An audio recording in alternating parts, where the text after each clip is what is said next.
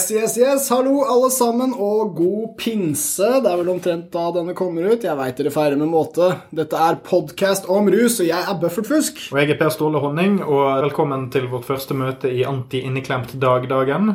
Eller Anti-inneklemt dag-bevegelsen.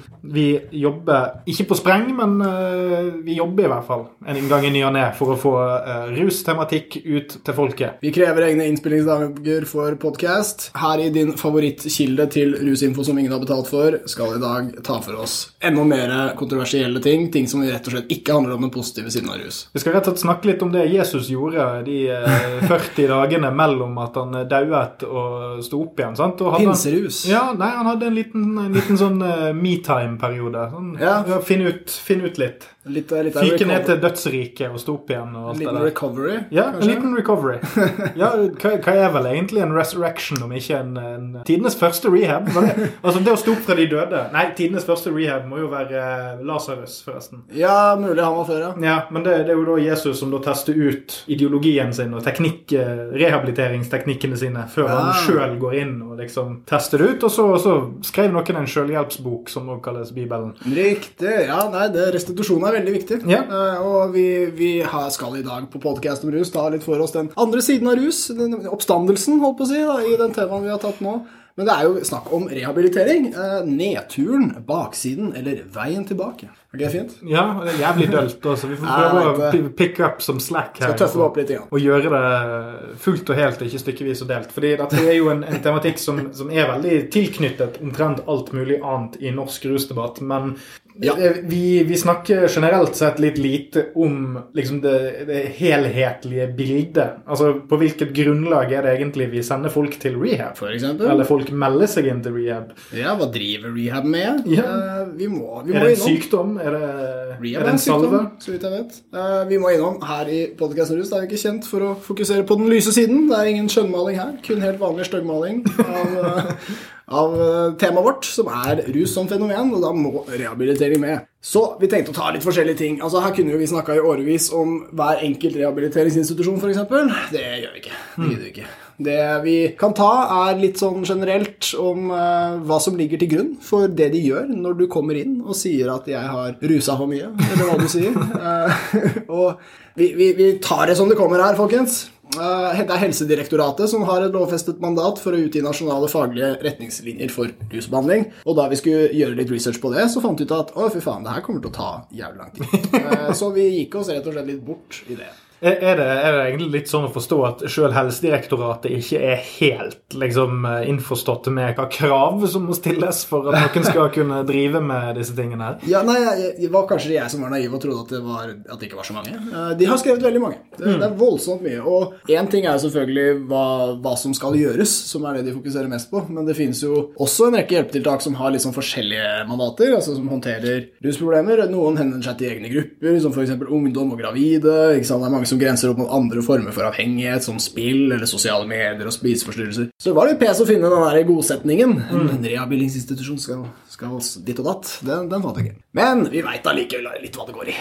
Ja, fordi at altså, Før vi går helt sånn i gang her, så er det altså, Man har jo ideelle organisasjoner, og man har ikke ideelle, holdt jeg på å si. Nei, ikke ideelle, nei. Nei, Det var en ting eh, kanskje vi glemte litt i, i research-biten, men uh, man har jo snakket veldig mye om velferdsprofitører og sånt. Er det sånne aktører på markedet innenfor re rehabilitering òg? Uh, ja, til en viss grad. Jeg tror systemet er veldig skeptiske mot dem. Og mm. det kanskje kan være vanskelig å starte noe opp i dag. Ja. Uh, men det er jo en del som har blitt litt sånn tatt for det tidligere. Vi har jo nylig hatt en sak med, med Stiftelsen Ordet borte i Bergen, hvor de mm. samlet inn penger. Uh, Livets Ord? Stift, de... Stiftelsen Ordet, jeg er ikke sikker på om det er samme. Ja, for Livets Ord er jo en sånn frikirkemenighet. Ja, nei, de er Enevald Flåten og den gjengen der. De er nok større. Dette var en liten greie hvor det var en fyr som brukte tidligere rusavhengige til å samle inn penger, og han lokket dem med et sånt paradis nede i Afrika der det skulle bli en klinikk og greier. Det var bare dritt i Afrika, og alle pengene ble stjålet. Jeg tror det var ganske mye penger. Jeg tror det var snakk om 12 millioner kroner. Oi. Som bare er borte. Da er du en dritt. Uh, ja, særlig når du får de svake til å samle dem inn og sånn. Det er litt sånn Ja, det blir litt som å bruke barnearbeid for å skulle samle inn penger til en, et barnehjem. ja. Å, å, nei, det er jo Operasjon Dagsverk. men, men, dette var på 90-tallet, og det, det, det, vet ikke om det kan skje så mye lenger. Det vi også har, er en tradisjon i Norge med så sterke tradisjoner for frivillighet. da, mm. Og de organisasjonene som først kom på banen med rehabilitering i Norge, de var private, ideelle. Det var eh, Ja. Blå Kors og Kirkens Bymisjon og sånt noe, og så kom staten liksom på banen etter hvert. Ja, for det er jo en forskjell på at noe er privat, og at noe er profitterende, holdt jeg på å si. Eller at Ja. noen profitterer på det. Og sånn sånn før eh, de som eh, hører på, som eh, har litt vel dyre brilleinnfatninger og har sånn eh, fyr som spiller krokket oppå en hest på, mm. på blazeren sin, reagerer, så vil jeg jo si det at uh, det fins ingen uh, positiv måte å tjene penger på andres lidelse, så du får bare leve med at det blir omtalt som profittering. Ja, og det, jeg skjønner at folk må ha lønn, liksom. mm. Men det blir aldri lett å være idealist og tjene penger samtidig. Eh, Det vil alltid gå litt på kant. Ja, Som nevnt så er det veldig mange av de som, disse rehabiliteringstjenestene som, som jobber med forskjellige grupper. Og vi må også nevne at det fins opplysningstjenester som da gjerne henvender seg til ungdom og sånn. Det fins jo absolutt ikke nok av dem.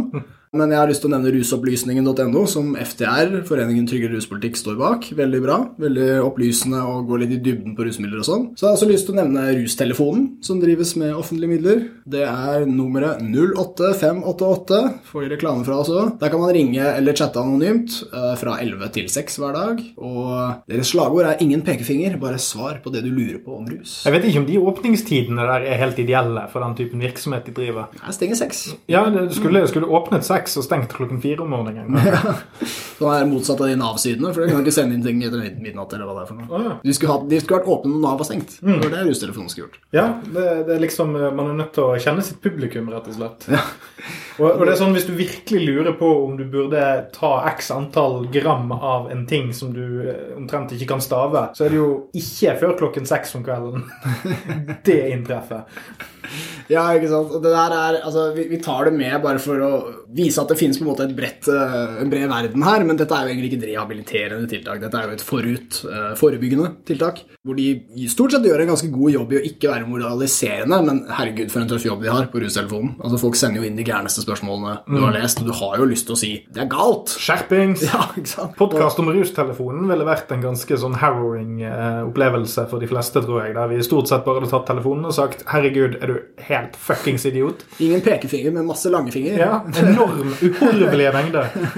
Altså folk spør på den her rustelefonen hvor mye Paracet kan man ta før man dør og sånn, altså hva faen skal du gjøre på en rusopplysningsside? Hva sier du da? Nei, da skal du bare ja, er vrang, si 'fuck off'. Ja, det, ikke gjør det. Så skal du liksom ikke si det. det de har balt seg inn i et hjørne. Det er en tøff jobb de har. Men ja, det, det er stedet man kan lufte sin nysgjerrighet og bekymringer og alt mulig sånt noe før det går for ille. Går det for ille, så er det rehab som er. Det er rusfeltets juntafil. På mange måter, ja. Eh, Jeg tror også Juntafil er, eh, tar spørsmål om rus. Jeg tror ikke de har så mye peil, men jeg tror de er, det er innenfor deres lille plattform. Hvor mange gram med Paracet kan du stappe opp hjernetarmen før, før du er homo? Kan jeg, kan jeg ha Chem6 med Paracet? Men ja, eh, nei, vi har utrolig mange forskjellige rehabiliteringsklinikker i Norge. Rehabiliteringsinstitusjoner heter de, fordi klinikk er noe helt eget. Men jeg kan jo lese opp noen av de. Altså, Vi har liksom Tyrili-stiftelsen, Borgestadklinikken, Sollia-kollektivet, Bergensklinikkene, Maritastiftelsen, Alfa i Vestfold. Mange av de her har vært der ganske lenge. Noen av dem drives uh, Og noen av de er bergensbølgeband. Sisters og Sisters. Maritastiftelsen. Og de drives eh, altså Det er av og til vanskelig å si hva som er privat og offentlig her, fordi offentlige midler driver det aller meste. Ja. Og så har du organisasjoner som Frelsesarmeen og eh, Bymisjonen og Blå Kors, eksempel, som har vært der veldig lenge. Eh, så du kan si at de drives 100-årsperspektiv, nesten. Ja, og, og mer òg. Og det er liksom Du kan jo godt si det er drevet av private, men det er offentligheten som, som står bak. Det er jo ideelle organisasjoner, altså, så det er, det er jo penger i det i lønninger og sånt, men det er ikke sånn at det er et, et AS som driftes ut ifra et slags sånn korporasjonsperspektiv, eller hva enn du skal kalle det. Nei, altså stort sett ikke. Det vil jo i så fall være Fins sikkert sånne svindlere på det markedet òg, men da er det jo snakk om at pasientene må betale mye. Ja, de er, altså, de er litt mer som godartede siste på det norske helsesystemet. Ja, Men det fins svindlere også i Norge. altså Svindleren Olaf Olsvik har jo tidligere eh, skrevet boken 'Rus og Rolex', hvor han mm. snakker om at han stjal så mye. Han startet også sin egen rehabiliteringsklinikk og fikk pasientene der til å ta opp lån i sitt navn osv. for å finansiere klinikken. Ja, og så har du jo disse her eh, Disse som var assosiert med Det norske kartverket. Ja, eh, Addiktologene. ja da. Ikke minst. Det er jo også et sterkt rehabiliteringsaspekt i deres svindel. må vi si. Absolutt. Og, og, det bringer oss videre til strategiene. Altså, fordi alle disse klinikkene, og også de røverne vi akkurat nevnte, har jo litt forskjellig strategi. De har på en måte hver egen sitt eget varemerke. Men det betyr ikke at de alle har en egen, unik tilnærming til rehabilitering. Det er mer en slags pakke. Og hvis du skal inn på et av disse stedene, så er det ikke alltid så lett å vite hva det er du f.eks. kan få lov til å gjøre. Nei, for det der er en ting som kanskje flere enn meg kjenner for, men det der gjelder jo nesten alt nå for tiden. For at Før internett kom, så var det i hvert fall sånn at om du ikke hadde oversikt, så stolte du alltid litt på at hvis du havnet et eller annet sted, ja. hvis du snakket med noen om en ting du ikke kunne noe om, mm. så regnet du liksom med at du kom til å liksom kunne sette deg inn i det ganske greit. Mm. Men sånn i den heldigitale verden, der absolutt alle muligheter er rett foran deg hele tiden, og verden blir mer kompleks uh, hvert eneste sekund, ja. så blir, virker det som en ganske høy terskel. La oss si at hvis du skal legge deg inn frivillig et eller annet sted, ja. det å bare klare å sette seg inn i mulighetene man har på noe så egentlig basalt og enkelt som hjelp, uh, må jo være en ekstra stressfaktor for mange. Og så er det jo en del folk som havner nesten under tvang, da, som det er snakk om å miste stønad eller whatever. Ja. Altså masse sånne forskjellige ting. Det så det å, altså Selv om man har fritt behandlingsvalg og litt sånne her ting som det der, så tror jeg kanskje det fort kan bli ganske mye knute på tråden når man skal liksom navigere seg gjennom disse farvannene her. Ja, ja, absolutt. Og desto mer behov for disse retningslinjene vi snakket om tidligere. Men ja, vi lever i en tid med veldig mye informasjonsspredning, og det er kanskje ikke de som har tunge rusmisbrukere, de beste på, på Google. Nei. For all del. Men, ja, det er litt, dårlig impulshandlinger. Ja, du må ikke sant, sitte og gjøre research over tid. Men vi, det som vi tenkte å snakke litt om her, er noe som jeg føler at få har snakket om tidligere nemlig at man har ideologier i dette med rehabilitering som ikke kommer så lett til uttrykk. Mm. Og Dette er noe vi har snakket om før, med at uh, denne forskjellen på måtehold og avhold, og hvordan avhold har på, på, noen måter tatt litt over. For måtehold det har vi jo gamle, gamle spor av med Håvamål og du eh, diverse, men når avhold ble oppfunnet på slutten av 1800-tallet, så ble det et eh, slags hegemoni. da. Og også i dag så kan man jo tenke at det er helt logisk å, å være avholdende når man skal rehabiliteres. Du tar for mye rus, hva er løsningen? Det er å ta ingenting. Og så tar du ingenting en stund, og så kommer du ut på gata, og så forhåpentligvis fortsetter du å ta ingenting. Ja, det er jo en fin og enkel liten strategi. Ja, og når noen av disse organisasjonene ble opprettet, så var det jo kanskje litt enklere å holde seg unna disse tingene enn det er i dag. Ja, ja altså, ikke, Om ikke enklere, så i hvert fall det at ok, eh, da går du ikke på salongen, eller så går du ikke og møter han rabagasten som har noe på lur. Eh, om ikke enklere så i hvert fall at det var, det var, ikke så stort utvalg i ulike ting du kan ha blitt hektet på, da, eller som kom i veien for deg. Ja, De hadde ja. ikke internettporno når Blå Kors ble oppfunnet, liksom. Nei, det var en annen verden. Den var på veldig mange måter langt enklere. Og det, det jeg vil eh, snakke om her, det er dette, det jeg oppfatter som en slags splittelse i ideologien i på hele, egentlig, hele mm. rusfeltet i Norge. Og denne ideologiske splittelsen den foregår mellom avhold og måtehold. Både som målsetning, men også som tilnærming i forbindelse med metode og sånt noe. Det henger ofte sammen. Det er jo to ganske radikalt forskjellige måter å takle et problem på. det er virkelig det, og det, i, i, den sammenhengen her så handler det om et verdisyn, ikke sant? også en veldig sentral målsetning. Ikke sant? Er det, skal du ut på gata og ta ingenting forever, eller så lenge du lever, eller skal du ut på gata og ta mindre, og da et slags bestemt bestemt mengde mindre. Kan òg fort være en, en, et økonomisk aspekt her ved måten de to strategiene kan fungere på. Det er ikke sånn at eh, noen med sant? Altså, Må man jo òg kunne skille litt mellom folk som er helt på felgen, og ja. folk som sliter med å takle et A4-liv. Altså, man kan jo ha folk med rusproblemer som egentlig Altså man har fungerende alkoholikere og fungerende mm. narkomane, og sånt, mm. men det er, liksom, det, det er, liksom, helt på grensen ja. for at man da skal ta permisjon for å komme seg på behandling. Altså komme seg tilbake igjen, rett tilbake igjen i det vanlige livet du har. Mm. Det er jo en helt annen ting enn de som er altså felgen. det er ikke snakk om felgen lenger. altså det er snakk om grus og ja. det, det, ned, helt ned i det nivået der. altså Dekkene og alt er flerret vekk. Ja, det er en annen evne, så det, så det, er jo et ekstra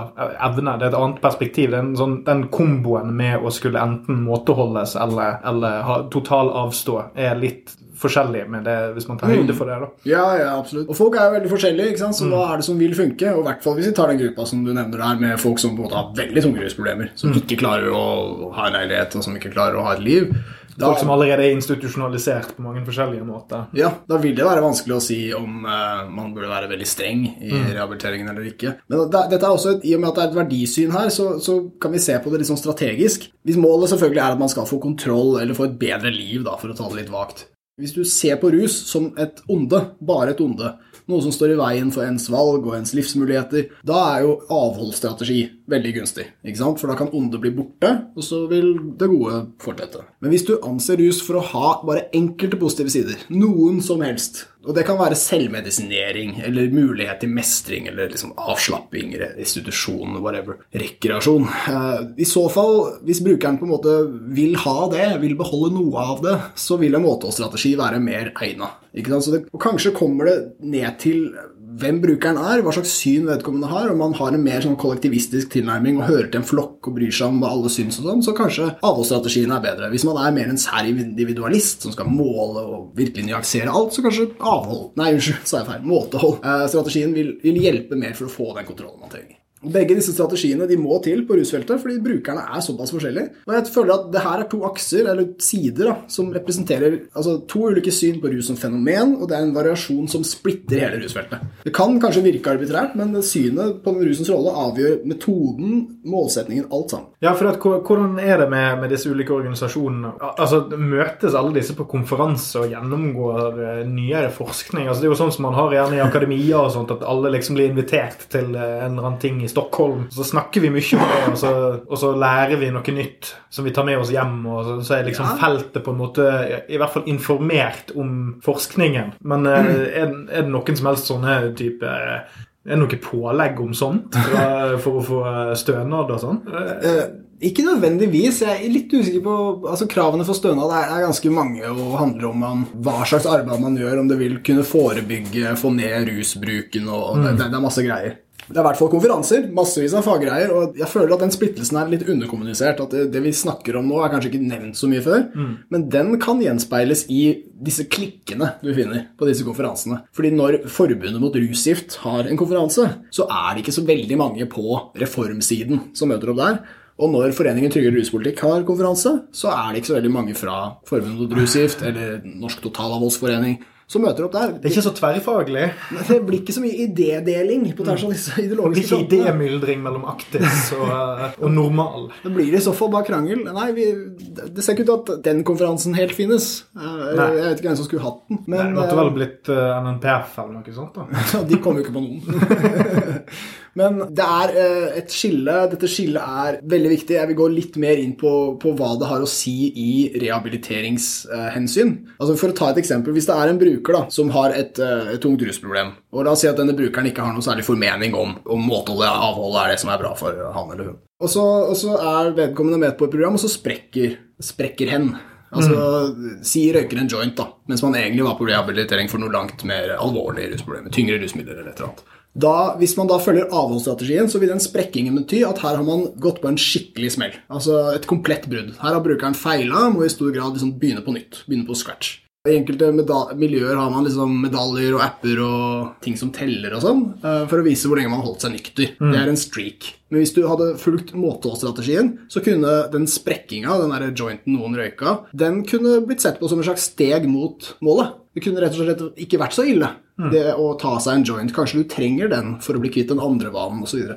så det slår veldig mye ut i strategien. Ja, og så er det jo òg litt sånn uh, Hvilken setting er det egentlig du blir introdusert for konseptet måtehold eller avhold? Altså, det er jo ikke så veldig Altså, I hvilken setting er det du blir uh, for første gang introdusert for at nå er du nødt til å bare slutte?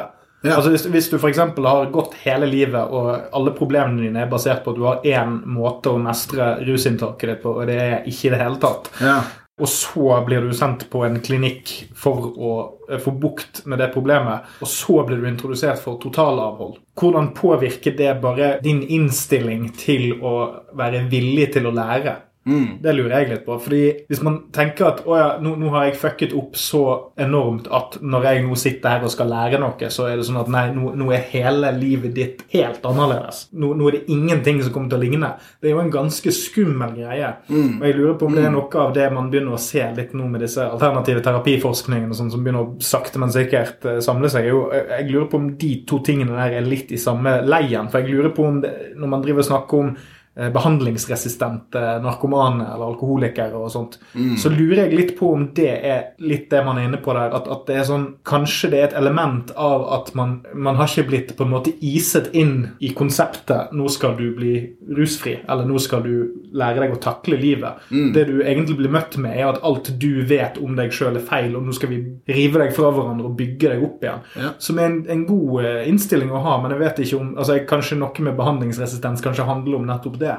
Ja. At, at, du, at du slutter å høre. Du er med på notene, men innerst inne så er det en sånn liten jævel som ikke egentlig anerkjenner at dette her er en god idé, fordi at det er dette identiteten din er bygd på. Mens måtehold på den andre siden kan jo da, sånn ut ifra den lille teorien jeg driver og koker opp akkurat nå, kanskje være mer strategisk for enkelte av de litt mer behandlingsresistente gruppene, av at da får du i hvert fall ikke den, dette sjokket med å skulle si fra deg absolutt alt Ja, ja, ja. med en gang. Og det, det, det er et godt poeng. Jeg tror at Det er sikkert veldig mange som har prøvd alt, men i og med at vi har dette hvis det er som jeg tror da, at vi har dette ideologiske skillet i rusfeltet, så, så er det også fare for at folk har prøvd mange ganger å bli nyktre, eller altså prøvd seg på rehabilitering mange ganger, og så har de ikke lykkes. Men det er jo en fare for at de blir værende innenfor den samme strategien. Når de først har kommet seg inn i en gjeng, så prøver de den 15 ganger i stedet for å bytte. Hvis du har prøvd avholdsstrategien fem ganger og det ikke går, så prøv måtehold. Og så omvendt. ikke sant? Bytt over.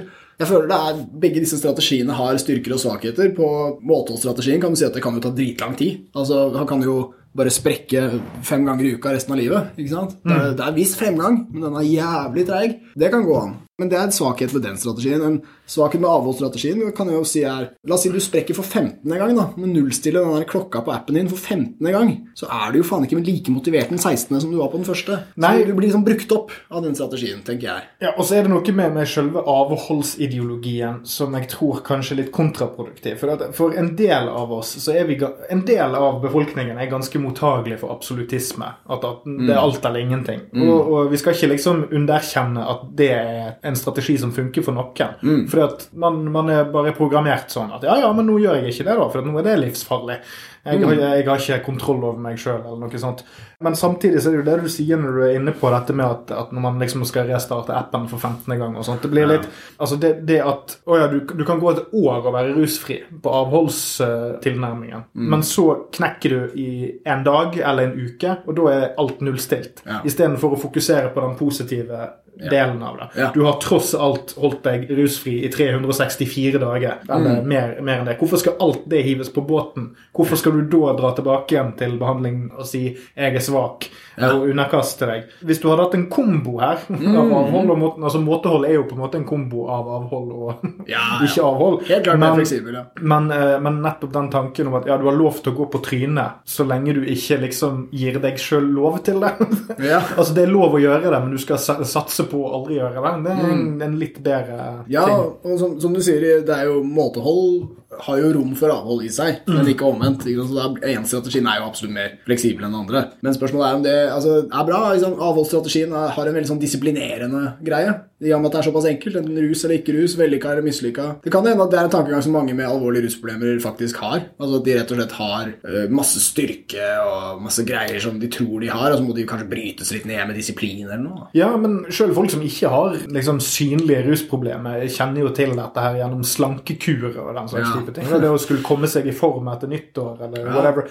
Folk, alle har jo en eller annen slags erfaring med at de gjorde én ting som fungerte jævlig bra, og som de maste på alle andre om at de måtte gjøre. Og så viser det seg at eneste grunnen til at det egentlig funket, var fordi at du var disiplinert. Ja. Du fulgte opp en plan. Det, er det, med, det er jo forskning på slanking og sånt sier jo det at altså, du kommer jo mest sannsynlig til å legge på deg den vekten igjen hvis du ikke gjør en livsstilsendring. Så folk, folk, feite folk som har blitt relativt tynne, kan jo spise sjokolade. De kan jo spise pizza. Grenser. Det er jo bare det at de ikke må bryte det mønsteret så lenge av gangen at de faller tilbake. Det er det samme prinsippet. Sant? Det er jo ingen som ville sagt til en, feit, en, en, en tidligere feit person at vedkommende ikke får lov til å spise sjokoladekake i dåpen. Ja, ja. Det er jo ingen som ville funnet på det. Så det er, det, det er litt merkelig at vi Hvis du er en fungerende person, og du har tatt et aktivt valg, så må man Det, det handler nok om å stole på folk òg. Ja. Som kanskje blir vanskelig, fordi dette er et veldig innfløkt felt der vi vet at en del folk ikke kan stole Vi ikke kan stole på en del folk i, i nære relasjoner. Men det er kanskje en litt tilspisset gruppe.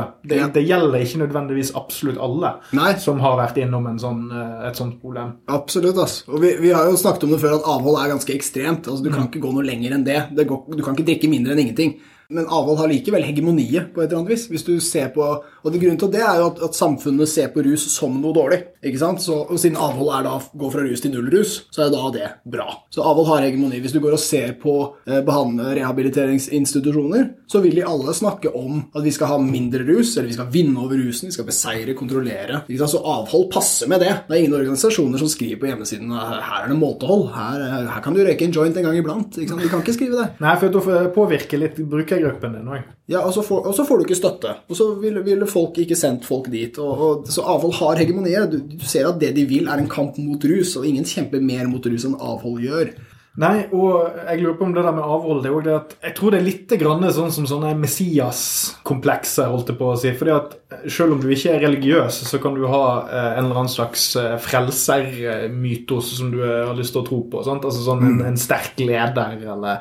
Ja. Altså, nå, nå skal det komme noen inn og ordne opp og fikse ting. En, en, en businessmann bør kanskje ta og drive et land. Hadde ikke det vært en god idé? Han har jo tjent mange penger. Eh, og, og jeg tror at det der med, med, med totalavhold og sånn, det er så utrolig nobelt. Altså, Ja, altså, ja. Selv om du, du mener at det ikke er rett for deg, så kan det være veldig lett å tenke å, så utrolig jævla sterk og tøff denne andre personen som gjør det. Det, og det er kjempebra. Kanskje det er noe vi burde pushe på folk Mm. måtte gjøre. fordi at det er en slags sånn Uavhengig av hvor bra det egentlig funker for individet, så er det et sånt ideal som alle er veldig keen på å pushe. Ja, det er det. Det, er, det er et veldig sånn ytre ideal også. Mm. For altså, Selv om det ikke finnes så mange klinikker i Norge som satser på måtehold, eller gjør det utad i hvert fall, så er jo praksisen trolig ganske utbredt internt. Det er realpolitikk. Ja, ikke sant? Altså, det er veldig mange steder som velger en fleksibel tilnærming i praksis. Og dette er jo innenfor skadereduksjonsforståelsen. Er altså Kommunale rusinstitusjoner vil kunne tolerere narkotikabruk hvis alternativet er å lage et helvete for brukeren. Ikke sant? Altså I, i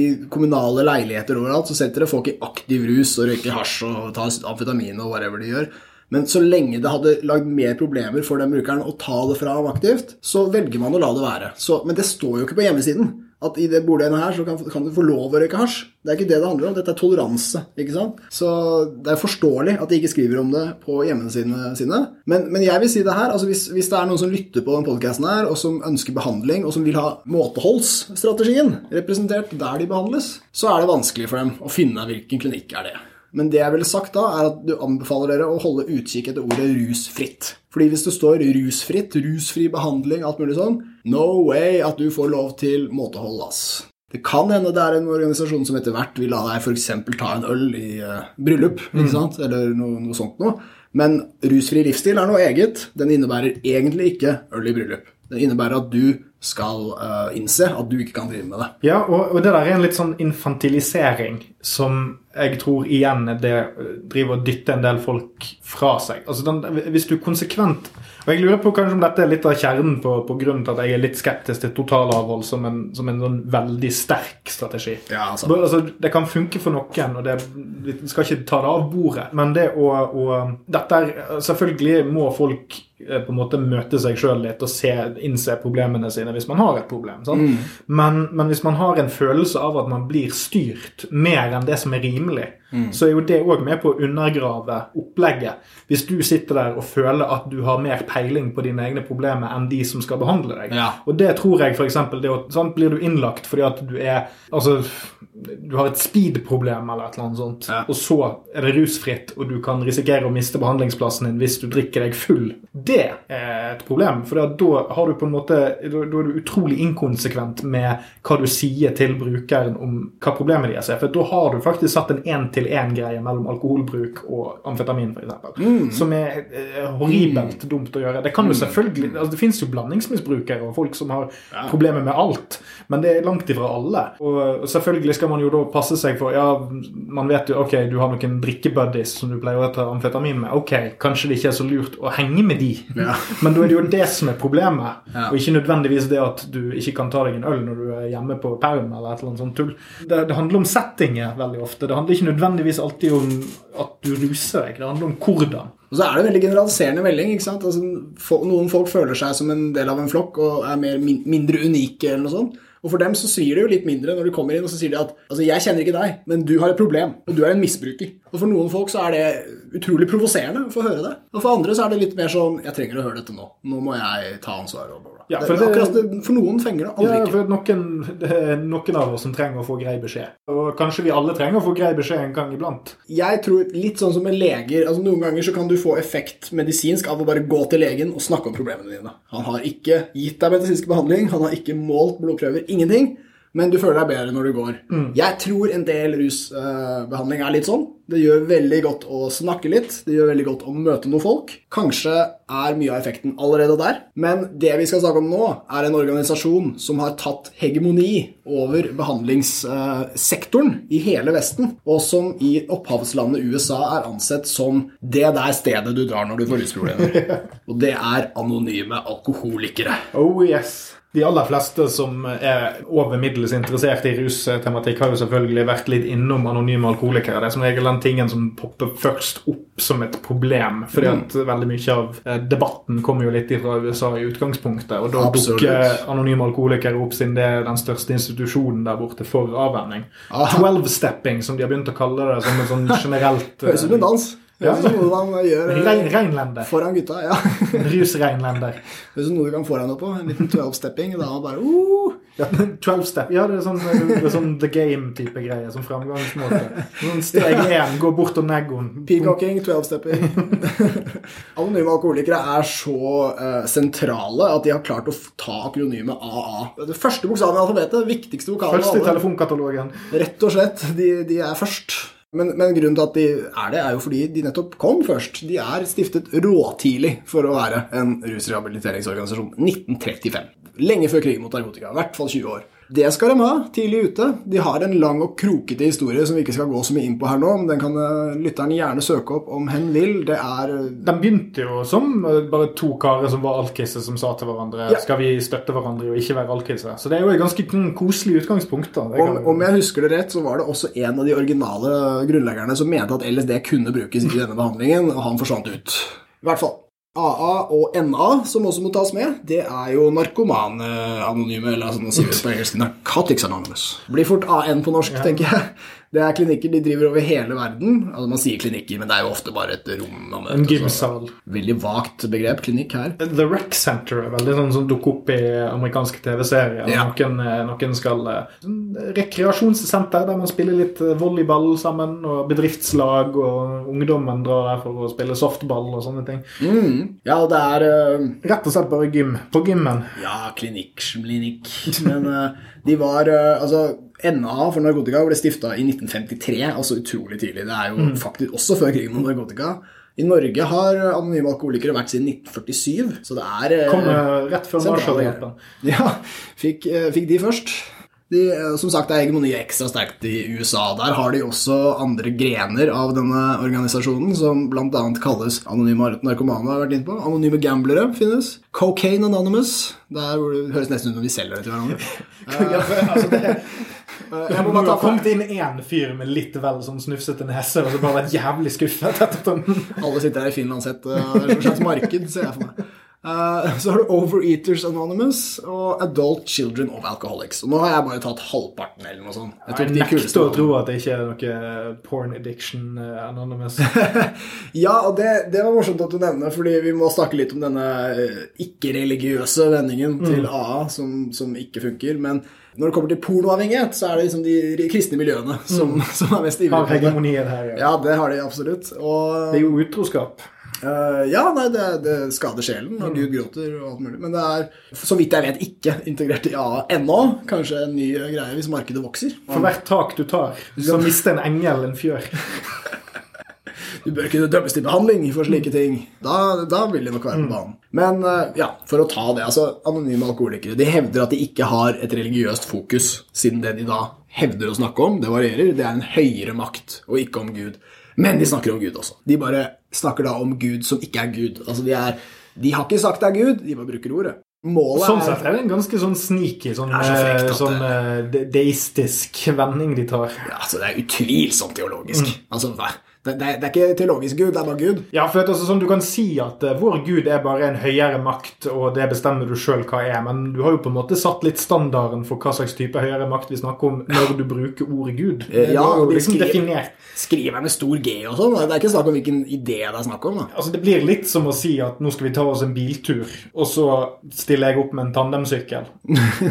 og så sier jeg jeg kan ikke noe for at dere la altfor mye forventninger og tolkning i at jeg sa bil, for jeg mener jo bare transportmiddel med hjul. Det er jo en bil. Ja, det er jo en bil. For ingen skal, det, det skal jeg klare meg i retten. Ikke sånn. Ja, altså, fordi Målet ifølge A da, det er jo ikke at hvem denne makten er, eller hva. Det er at man må overgi seg til den. Og det begynner å lukte litt av sekt allerede der.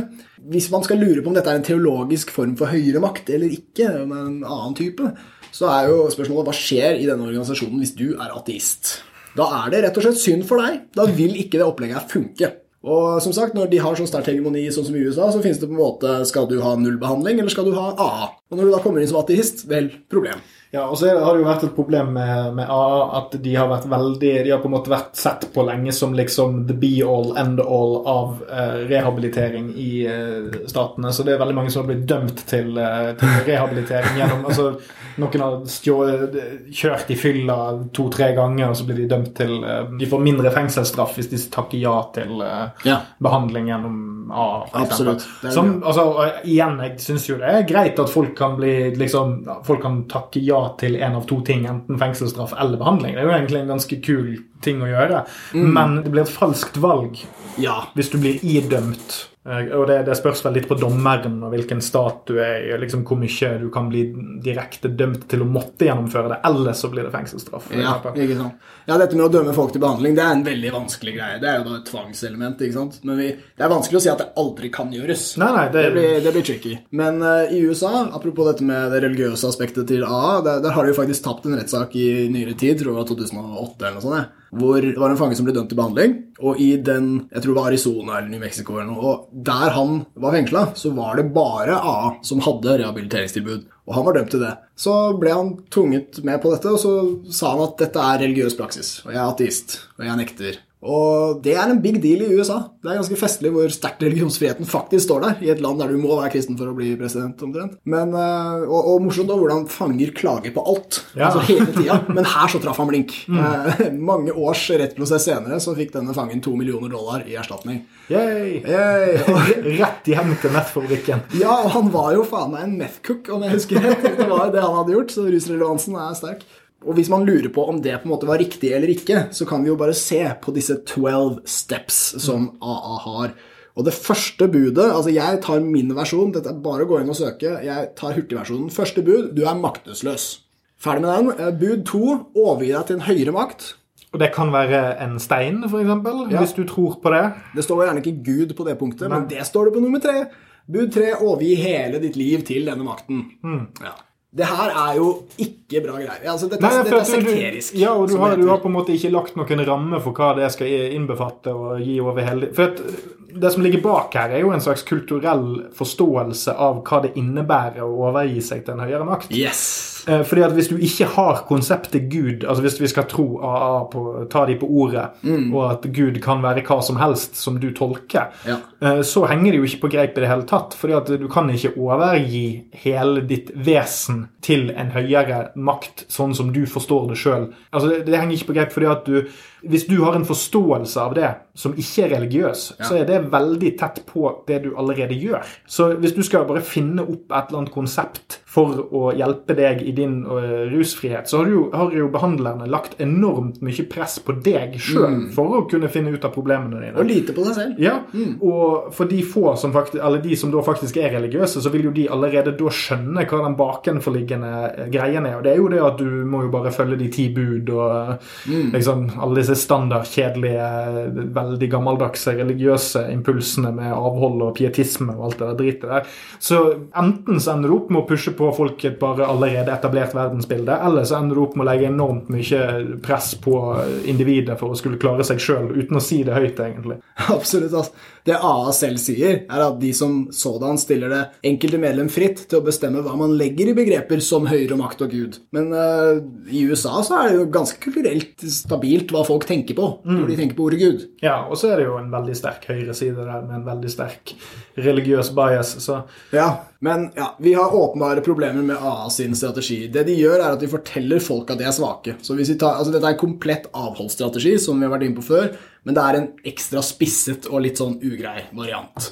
Du er svak, får du beskjed om av denne organisasjonen. Og mange alkoholikere, det er særlig de som kommer dit først, de lever i en falsk forståelse av sin egen makt, sin egen mulighet, og kanskje får de da en viss effekt av det her. Og jeg tror også som sagt på effekten av å sette seg ned med folk og slå av en prat og være selvgranskende osv. Det er ikke sikkert de har drevet så mye med det før, kanskje er effekten sterk ganske tidlig. Men folk er forskjellige. altså Problemet her blir generaliseringene. ikke sant? Noen er jo svakere enn andre, noen er sterkere enn andre. Noen er ateister, noen har en unik motivasjon for misbruket sitt osv. Så, videre. så det, det å ta en fyr som kommer inn i rommet, setter seg ned, og så forteller du ham hva han er Du kjenner han jo ikke om det er noe jeg føler jeg har hentet litt ut ifra ting som på en måte er positiv selvhjelp, ja. eh, om det skal være rehabilitering eller om det bare er det å komme seg opp om morgenen og rekke å gjøre alt man skal gjøre, så er det jo faktisk det er mange som fokuserer på det at ja, men til tross for alle dine feil, så er det jo det at du har jo styrke. Altså, ja. alle har, altså, har man oppnådd noe som helst, har man klart å gjøre en eller annen ting som man ikke trodde at man skulle gjøre, så er jo det et bevis på at du har evnen til å omstille deg eller til å gjøre en eller annen ting. Mm. Altså, Innenfor pedagogikken driver jo folk gjerne og snakker om at du må gi eh, fire gode tilbakemeldinger for å være negative. Ja. Eh, fordi at én negativ tilbakemelding eh, gir så enormt mye utslag i mm. hjernen. Vi, vi, takler kritikk mye dårligere enn vi takler positiv forsterkning. Så det er mm. selvfølgelig en balanse man må ha. Men det å fokusere på at du er svak i utgangspunktet, tror jeg òg er utrolig nedslående. Altså det, det ja. at du, hvis man allerede er ganske langt nede, så hjelper det ikke å høre at du er en, få bekreftet at du er en dritt. Nei. Selv om du kanskje noen trenger å få høre at du er en dritt, men du burde kanskje få høre det i en setting der vi prøver å fokusere litt på hva slags evne du har til å kunne bedre deg utover det å skulle innrømme at du er en dritt. Ja, ass. AA de bruker begrepet alkoholiker, mm. og de bruker ordet narkoman. Eller drug addict, er det de sier i, i USA. Og da, da, må du innrømme at du er det. Og jeg, jeg vet ikke om sånne merkelapper egentlig er så jævlig gunstig. da. Jeg skjønner at for noen mennesker så vil strategien om å holde seg unna resten av livet, den vil være god, men jeg kan ikke tro det gjelder så veldig mange, egentlig. Og for, for å ta, ikke sant, Du snakket om den kulturelle ramma. I USA, når du sier Gud, alle veit hva vi snakker om. Når du sier eh, alkoholic, så kan hende amerikanerne også har en egen eh, ramme for det mm. begrepet, sånn alle skjønner hva det er, hvor grensen går. Men det syns jeg er veldig uklart. I Norge så er alkoholiker kanskje det mest relative begrepet jeg vet om. Hvem er alkoholiker? Det er litt sånn som Hvis du spør folk er du rasist, så er det jo ingen som svarer ja. Men alle kjenner en rasist. Og alle kjenner en fyr som sitter på nettet og skriver mye rasistiske ting. Men han ville ikke kalt seg det. I hvert fall ikke hvis du jobber i nettavisen Resett. de har jo faktisk aldri møtt en rasist heller. Nei, det er ganske utrolig. Ja, de burde jo tas inn i et uh, laboratorium og forskes på. jeg har møtt en rasist, for jeg har møtt de. Men uh, jeg syns at det er flere som burde kunne kalle seg alkoholiker. Kanskje den definisjonen burde være veldig løs i stedet. da. Kanskje vi alle kunne fått en litt bedre sånn selvinnsikt. Ja, Hvis over 90% av befolkningen gjør en ting, så må det jo være en ganske høy prosentandel av oss som faktisk er den tingen. Ja, og jeg kan gå først i køen. Jeg. Altså, hvis, hvis, det å drikke alkohol ofte er å være alkoholiker, så er jeg kanskje det. Og, og tåler å si det. ass. Det gjør ikke sånn veldig vondt. Hvis det gjør veldig vondt, er kanskje ikke det et godt tegn heller. Ja. Men det er veldig vanskelig. Det er som sagt veldig veldig relativt. Alle alkoholikere kjenner jo en som drikker mer. Og han kan drikke mer i volum, han andre.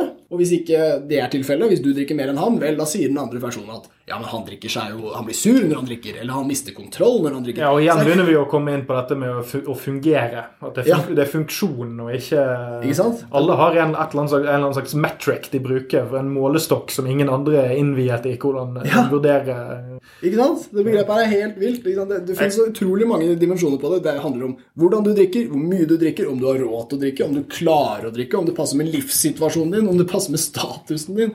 Ingen er alkoholiker. Ingen. Enkelt og greit. Og da tar AA i hvert fall feil. Men det går jo ikke an Det kan i hvert fall ikke holde med et oppmøte. Altså, du, du peker på alle de som kommer inn døra på ditt møte akkurat den kvelden. Alkoholiker, alkoholiker, alkoholiker. Det kan jo ikke være en bra måte å gjøre det på. Nei, det vil litt Nei, du, du kunne jo like gjerne bare fått en caps og gått igjen, liksom, der det står alkoholiker på. Ja, og, og som du var inne på, altså hvis vi skal kritisere denne organisasjonen her for noe, så er det at de for det første har et jævlig sterkt hegemoni, så de burde være jævlig ivrige på å beholde det. De burde lære oss hva en alkoholiker er, for eksempel. Det kunne vært noe opp til dem, da, i og med at de definerer rammeverket hele tiden når de slenger det ut, kaster merkelapper på folk. Fortell oss hva en alkoholiker er. Det andre er jo at de har en metode hvor veilederen er ufeilbar. Mm. Dette blir som en sekt i den forstand at du er svak, og når du sprekker, så må du stille klokka di til null, eller levere inn din medaljong, eller whatever, og så står vi og støtter deg. Å, som vi støtter deg. Men det er jo de som tok medaljongen din.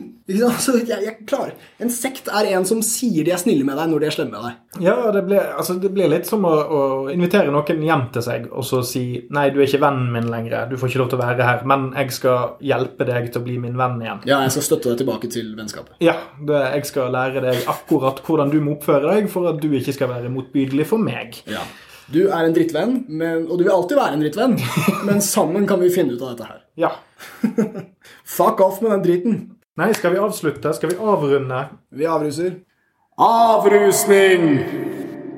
Det var kanskje ikke behov for en avrusning på denne episoden, for vi har bare snakket om avrusning. Det er en endeløs avrusning. Uh, I det store og hele føler jeg altså det er jo Den røde tråden i denne episoden her er jo egentlig bare tematikken, føler jeg. Det, det er ikke nødvendigvis sånn at Altså, vi, vi har på en måte sittet nå og vært ganske påståelige, og vi, jeg føler i hvert fall sjøl at jeg, det er masse innenfor det feltet der jeg ikke forstår meg på og ikke skjønner. Men uh, igjen, det er en sånn uh, ting som popper opp her i ny og ne, og det er det at vi som samfunn er ikke helt klar over hva disse tingene skal være. Altså Hvis du hadde spurt noen om hva bør eh, rusrehabilitering være, så ville du fått sikkert like mange svar som Ja. folk du, du hadde spurt. Ja. Hva, hva bør være siste kravet, hvis vi ser vekk ifra at å, de kan ikke ruse seg. Det er sikkert en del folk som ville sagt. Enkleste. Ja, så det, altså, det, Rett og slett det å bare bevisstgjøre seg på at uh, det er ikke en sånn uh, quick fix på noe som helst vis. Mm. I det hele tatt. Det er, det er ingen fasit. Det, det, og, og, og, og grunnen til at det ikke er en fasit, er fordi at dette er et system som har vokst seg fram i en tid der vi ikke snakket så reflektert rundt disse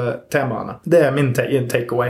Jeg tror du har helt rett, jeg, ass. Rus som fenomen var, har aldri blitt spesielt godt forstått. Først nå begynner vi å få litt forståelse av det, og da kommer måtehold tilbake igjen. Eller altså, mer fleksible strategier kommer tilbake igjen. Men uh, for folk som har rusproblemer i dag, så er det på mange måter akkurat like vanskelig som det var for 100 år siden. Vi har flere uh, alternativer, flere institusjoner, flere strategier, men ingen vet egentlig hva som funker. Du må ta akkurat like stor ansvarsdel som før, uh, og folk er akkurat like forskjellige som før, og kanskje mer. Så hva som vil funke, det har alltid vært uklart, og det er det fortsatt. Så kjære lytter med rusproblemer, eh, prøv å ta og bryte mønstrene dine, prøv å kjenne deg selv, prøv å ta kontroll, og husk at det å ikke ruse seg er en veldig eksklusiv opplevelse når man sjelden gjør det. Og hvis noen kommer til deg og prøver å sende deg på rehab, så skal du si no, no, no. Nei da. Jo da. Nei da. Pod, pod, sier du da. Jo da. Nei da. Jo da. Ha det!